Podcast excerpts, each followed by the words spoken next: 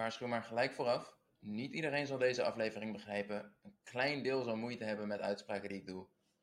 Als jij valt onder die hippe, moderne stroming die vindt dat je iedere dag kunt bepalen of je vandaag jongen, meisje, man, vrouw, avocado of hond bent, je kan beter afhaken.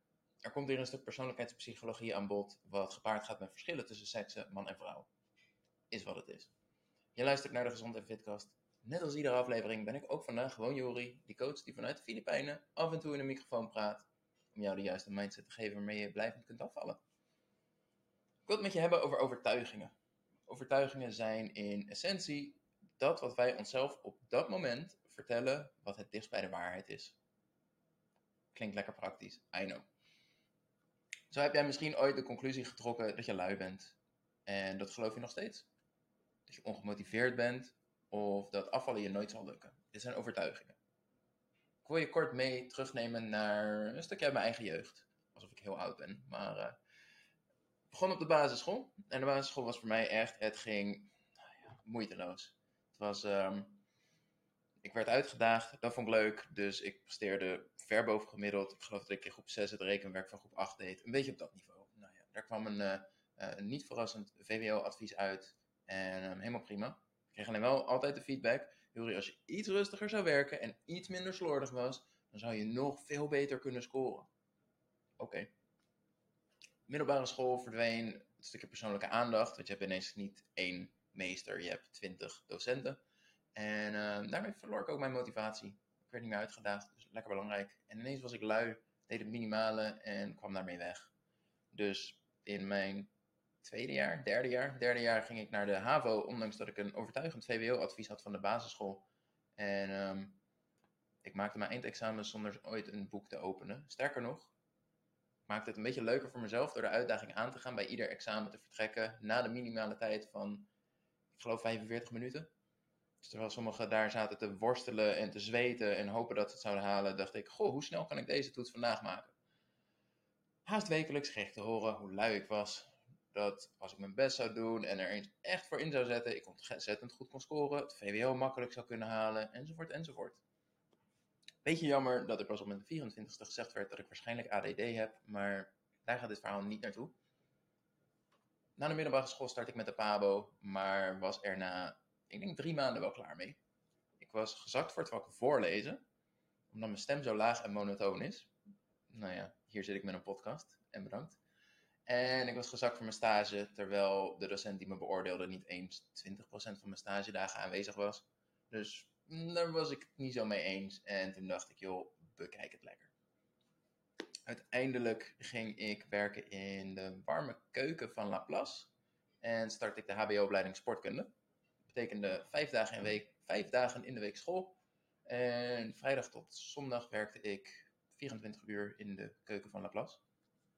En um, ja, ik snapte niet zo goed waarom ik vaak in slaap viel tijdens de eerste les op maandagochtend. Ik dacht, joh, hè, ik zal wel lui zijn. Het interessante aan overtuigingen is hoe maakbaar ze zijn. Er hoeft maar één zaadje geplant te worden en alles kan veranderen. Dat is dan ook wat ik altijd met deze podcast hoop te bereiken bij jou. Dat zaadje planten waarmee er uiteindelijk iets gaat groeien. Hoop en het geloof dat het anders kan dan dat het nu is. Het was een uh, typische werkdag in het weekend bij Laplace en ik kreeg commentaar van de manager. Waarschijnlijk discussie over het feit dat ik rustig de afwas stond weg te werken in plaats van interactie had met de, de gasten van het restaurant. Ik hield er nou eenmaal van om af en toe even geen mensen om me heen te hebben en lekker mijn eigen ding te doen. En uh, nou ja, afwas is daar een uh, praktisch ding voor. Maar toen maakte ik de opmerking: Joost, mijn manager, je hebt, je hebt werkpaarden en sierpaarden en ik ben geen werkpaard ik doe gewoon lekker mijn ding en, uh, en zoek het uit. Waarop hij me op niet heel subtiele wijze liet weten dat het totale onzin was. Het idee dat ik geen harde werker was, dat. Nou ja, hij was niet subtiel en daar ben ik hem dankbaar voor. Er is niet heel veel waar ik hem dankbaar voor ben. Ik kon hem niet uitstaan terwijl ik er werkte, maar Joost, in de kleine kans dat je om welke reden dan ook ooit mijn podcast luistert, daar ben ik je dankbaar voor. Vanaf dat moment is er een hoop veranderd geleidelijk. Het is geen Eureka-moment en ineens ging alles vanzelf, maar het zaadje was geplant. Ik bedoel, ik ben helemaal niet lui. Ik doe een fulltime studie, werk 24 uur per week en train 5 à 6 dagen in de week. Je moet haast blind zijn om mij dan lui te noemen. Ik was blind. Uiteindelijk stopte ik met de vrijdagavond werken. Ik kwam erachter dat uh, 7 uur s ochtends de deur uit om naar uh, Haarlem te reizen voor school. En vervolgens van 5 tot 10 in de avond werken was iets te veel van het goede. Nou ja, ineens verbeterden mijn cijfers op school. Sliep ik niet meer op de maandagochtend in de lessen. Wie had dat gedacht? Tegenwoordig zijn er een hoop kenmerken hoe ik mezelf zou omschrijven. Lui en slordig horen daar zeker niet bij. Ik zou bijvoorbeeld zeggen uh, gedisciplineerd, gestructureerd, betrouwbaar, daadkrachtig. Heb jij wel eens een persoonlijkheidstest gedaan? De meeste zijn zo betrouwbaar als je horoscoop in een tijdschrift, maar er is er één die wetenschappelijk onderbouwd is, namelijk de Big Five. Voor 10 euro neem je de test af op understandmyself.com. En dat geeft je een heel aardig beeld. Ik pas dit ook regelmatig toe in mijn coaching, omdat het een goed beeld geeft van iemands kwaliteiten en de valkuilen die daarbij horen. Zo kan iemand bijvoorbeeld heel gestructureerd zijn, maar daardoor moeite hebben met afwijken. Heel daadkrachtig zijn, maar daardoor vrij snel het overzicht verliezen. Tot nu toe, iedereen waarmee ik die test heb afgenomen en besproken, gaf het enorme eh, eye-openers. Lekker woord. Vanaf hier wordt een klein beetje politiek, maatschappelijk, maar in onze samenleving worden bepaalde kwaliteiten nu eenmaal meer gewaardeerd dan andere. Extroverte mensen zijn leuk en gezellig, introverte mensen moeten zich wat meer laten horen. Doelgerichte en gestructureerde mensen vind je baas fijn, energieke en creatieve mensen zijn te slordig en ongestructureerd en waren ze nou maar een beetje meer zoals die andere werknemer. En dat gaat nog een klein stukje verder, namelijk de verwachtingen die we hebben per geslacht. Mannen moeten assertief zijn, anders zijn het watjes. Maar voor vrouwen willen we zorgzaamheid en wordt assertiviteit eigenlijk zelden gewaardeerd. Dat is tegenwoordig gelukkig een stuk minder, maar deels is het ook niet heel gek. Vrouwen zijn van nature zorgzamer dan mannen en scoren daar gemiddeld dan ook hoger op in zo'n test. Je vraagt je ondertussen misschien slash hopelijk af waar dit hele verhaal naartoe gaat. Jarenlang heb je jezelf van alles aangepraat over jezelf. Grotendeels op basis van de meningen en feedback vanuit je omgeving. Maar waar je in de verkeerde omgeving continu te horen kan krijgen dat je too much bent, veel te energiek en veel te veel enthousiasme, waardoor jij je gaat inhouden, maar minder jezelf bent en dus ook ongelukkiger wordt. Terwijl je in de juiste omgeving tot je recht kunt komen, jezelf kunt zijn en daarvoor gewaardeerd wordt. En dan heet het ineens gezellig en spontaan. Neem, uh, neem Tanja bijvoorbeeld. Tanja, als je luistert, je bent een prachtig voorbeeld hiervoor. Ik sprak haar in aflevering 62 van de Gezond en Fitcast.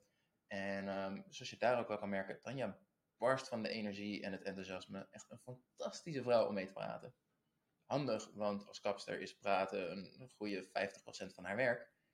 Maar stel je voor dat je zo iemand in een, uh, in een leidinggevende positie zet bij een bank. Komt totaal niet op haar, tot haar recht. Sowieso zijn vrouwen, in het algemeen, belangrijk detail, meer confrontatie vermijden dan mannen. Ze scoren hoger op compassie en beleefdheid. En dat zijn geen kwaliteiten die tot hun recht komen in de meeste leidinggevende posities bijvoorbeeld, waar je regelmatig mensen moet confronteren en teleurstellen. 86% van de mensen in het basisonderwijs is vrouw. 81% van de mensen in de zorg is vrouw. Is dat toeval of zijn dat vrouwen die op de juiste plek zijn beland, omdat zij hoog scoren in compassie en dus graag voor andere mensen zorgen? En het ook even vinden om zichzelf af en toe op twee te zetten, omdat die andere mensen op één komen. Hoe zit het met jouw overtuigingen? Ben je daadwerkelijk lui? Of heb je gewoon een leven vol taken waar je totaal niet enthousiast van wordt? Ben je ongemotiveerd? Of ben je ontzettend daadkrachtig, maar verlies je daardoor snel het overzicht? Stort je 100% op de verkeerde taken, levert het niks op en geef je op den deur op. De meeste mensen noemen zichzelf dan perfectionistisch of hebben een alles of niets mentaliteit. Ben je echt zo schuw en introvert? Of ben je jezelf klein gaan houden omdat mensen je too much vinden?